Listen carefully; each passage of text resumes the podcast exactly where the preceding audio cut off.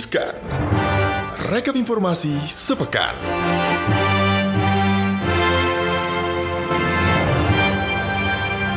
Hai Sobat Cuan, kita ada lagi nih sekarang Betul. Uh-uh, Ada saya, kembali Gibran. lagi dengan Gibran dan dengan Alin di Riskan.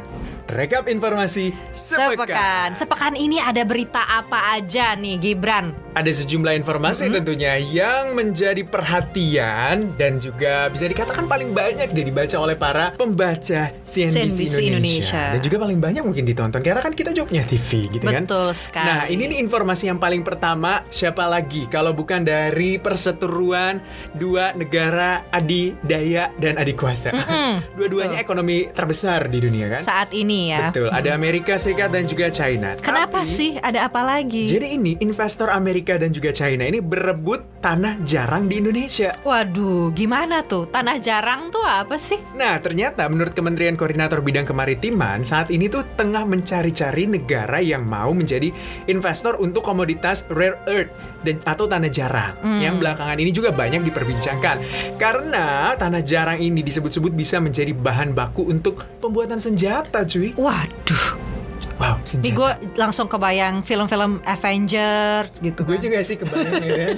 Tapi kan kalau kita tahu bahwa ya negara kedua negara ini tentunya adalah negara juga yang memproduksi senjata cukup besar. Kita tahu Amerika Serikat juga kan punya ya produksi senjata juga yang cukup besar.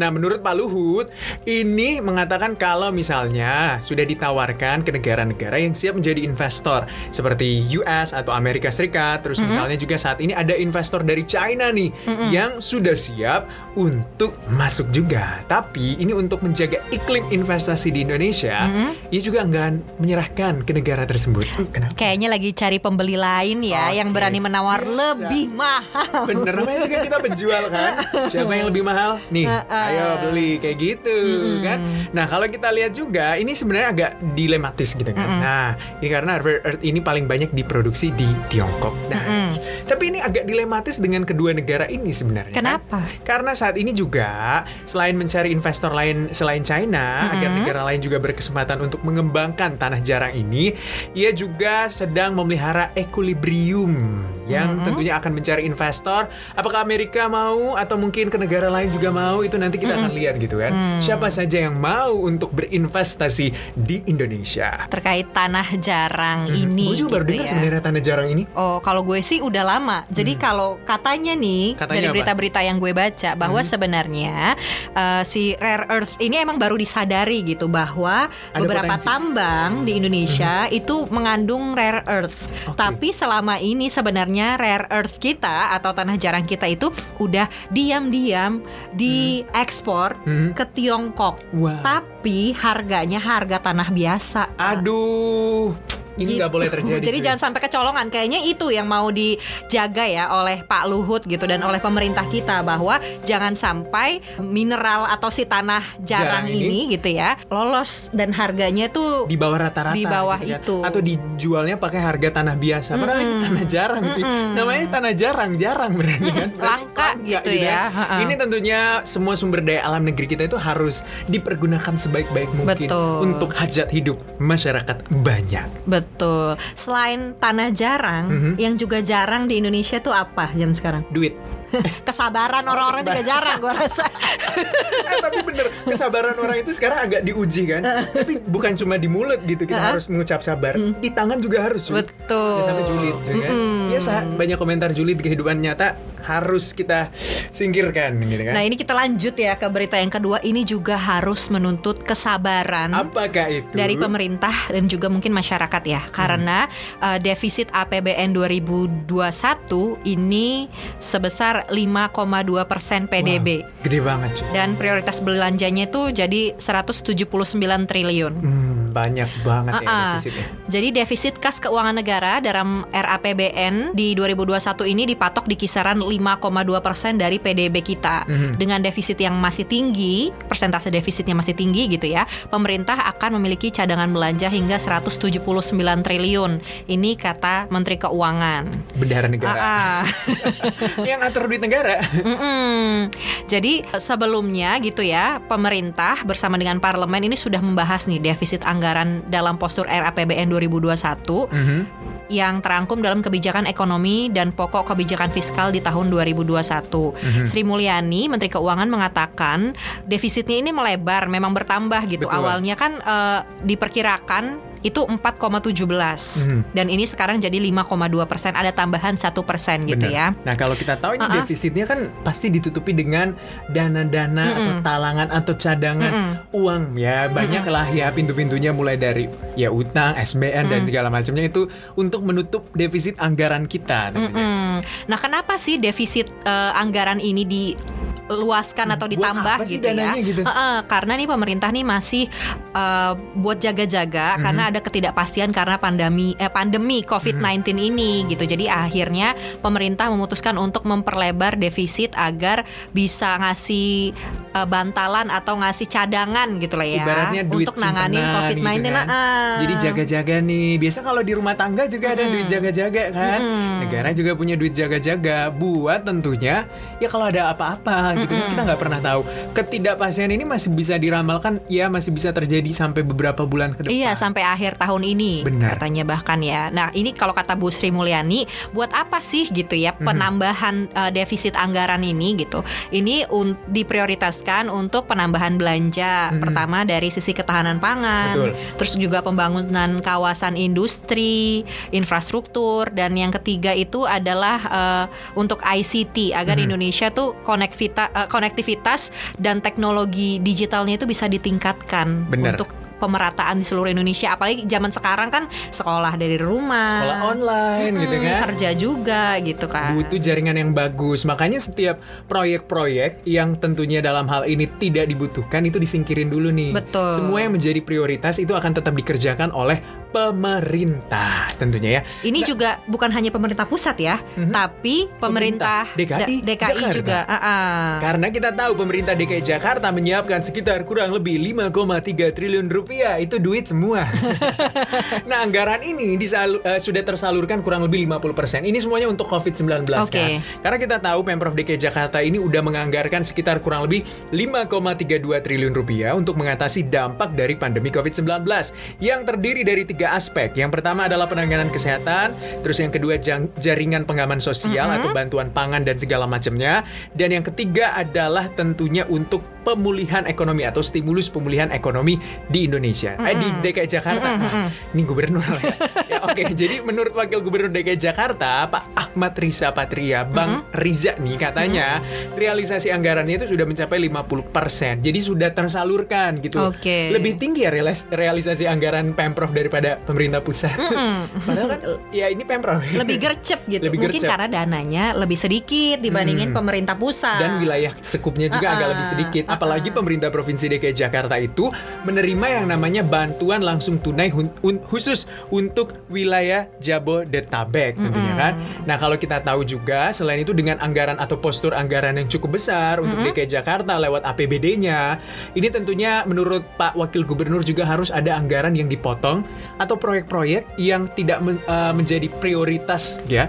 Itu harus Jadi- disingkirin dulu selama pandemi ini. Jadi dialokasikan untuk ke COVID-19 gitu ya, Betul penanggulangan sekali. COVID-19. Apalagi kita tahu kan, negara kita ekonominya itu ditopang sama konsumsi domestik. Otomatis Betul. harus belanja, belanja, belanja, belanja. Jadi semua yang namanya ke- eh, belanja kementerian lembaga, terus juga belanja pemerintah daerah, semua itu harus cepetan dibelanjain biar tentunya perekonomiannya tetap berputar. Betul. Jadi harus tahu prioritas gitu Benar. ya, Kalau kira-kira. kamu nggak jadi prioritasnya, tinggalin aja. Ini hal lain ya. itu hal lainnya.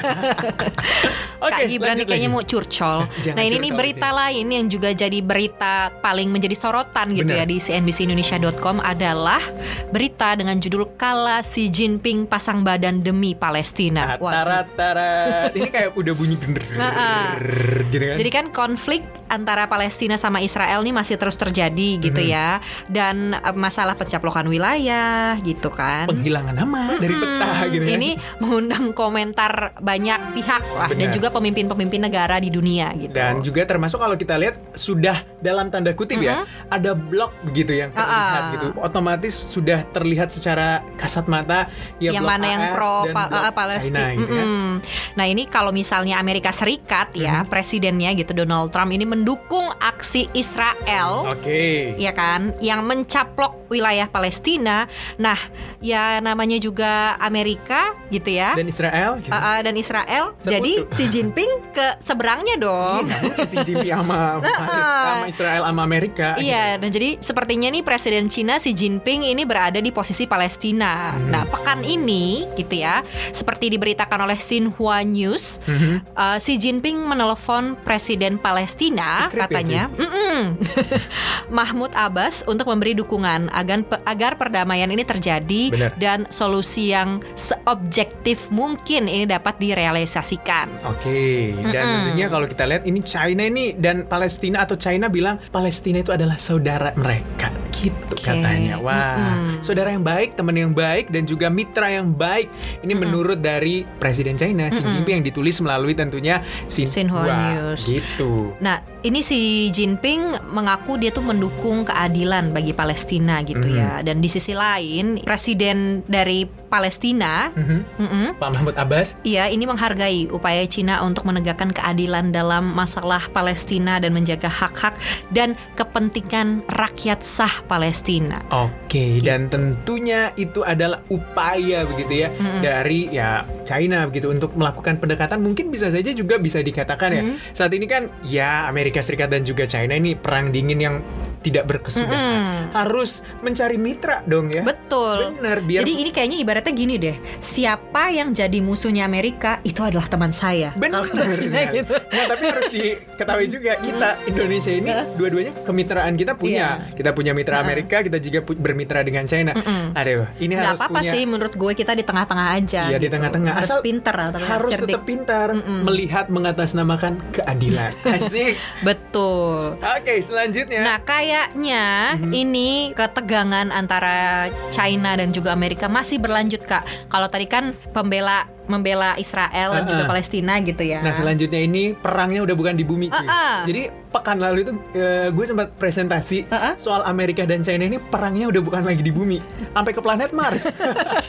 To infinity and beyond gitu ya ini kayaknya ada ya. Ini Thanos gini nanti.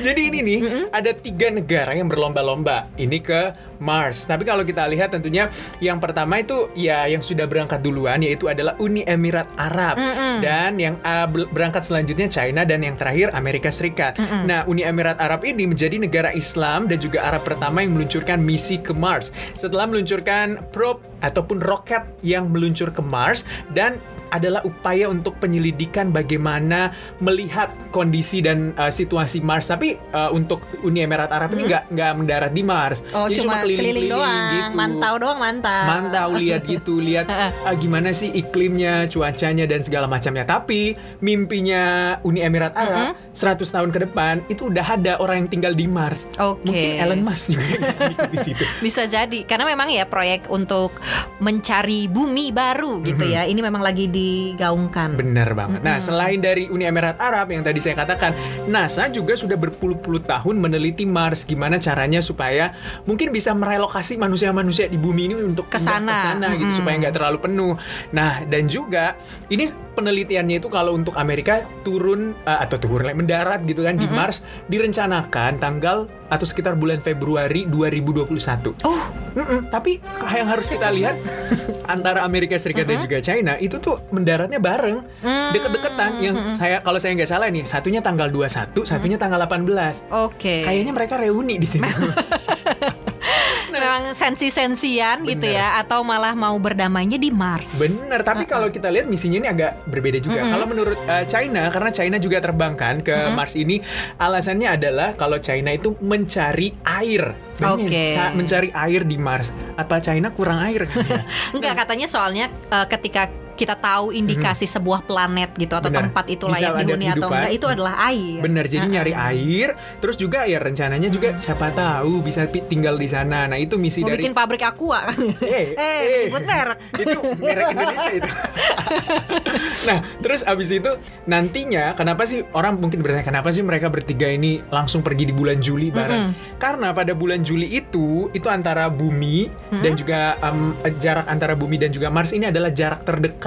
Oh, Jadi nggak oke. lama-lama cuy terbangnya gitu. Jadi agak lebih dekat. Lumayan kan berangkatnya Juli sampainya Februari tahun depan. Lumayan ya. itu udah paling cepat. itu udah paling lumayan loh. Kalau agak lama gitu kan mungkin bisa nyampe 2022 gitu itu sih alasan utamanya. Dan kalau kita juga ini kesamaannya adalah mau mempelajari bagaimana situasi dan juga kondisi planet Mars sama aja sih intinya Hmm, gitu. Jadi gitu ya mau mau mendalami apakah memang benar gitu ya bisa kita merelokasi kehidupan di bumi ini di ke Mars Mhm. gitu. itu kan salah satu mimpi Itu kan- dari Elon Musk juga Ah, ah, itu alasan ininya ya, alasan uh, visionernya. benar Mungkin alasan politisnya ya mau nunjukin aja. siapa yang lebih gagah siapa yang lebih kuat dan siapa yang paling berkuasa tentunya ya Tuh. Itu dia. Nah, itu dia tentunya sejumlah informasi dalam Riskan di pekan ini. Semoga long weekend Anda juga menyenangkan begitu karena ini adalah long weekend dan juga kita mau ucapin selamat Hari Raya Idul Adha tentunya ya karena hari Jumat ini bertepatan dengan Hari Raya Idul Adha. Jangan lupa kalau mungkin yang udah berkelebihan duitnya cuan-cuannya, mungkin yang sudah mampu boleh berkurban. Kalau belum mampu jangan kurbanin perasaan ya. Kurbanin waktu aja dulu dan Benar. tenaga mungkin ya bantu-bantu. juga, ah. gitu kan. Atau bantu-bantu ini panitia kurban. Bener, motong-motong daging itu insya Allah beramal dan juga Itu ada barokah. berkah tersendiri. Oke, Sobat Cuan, terima kasih udah dengerin tentunya Riskan di pekan ini. Kita mau pamit undur diri dulu. Saya Muhammad Gibran. Saya Alin. Sampai jumpa. Dah.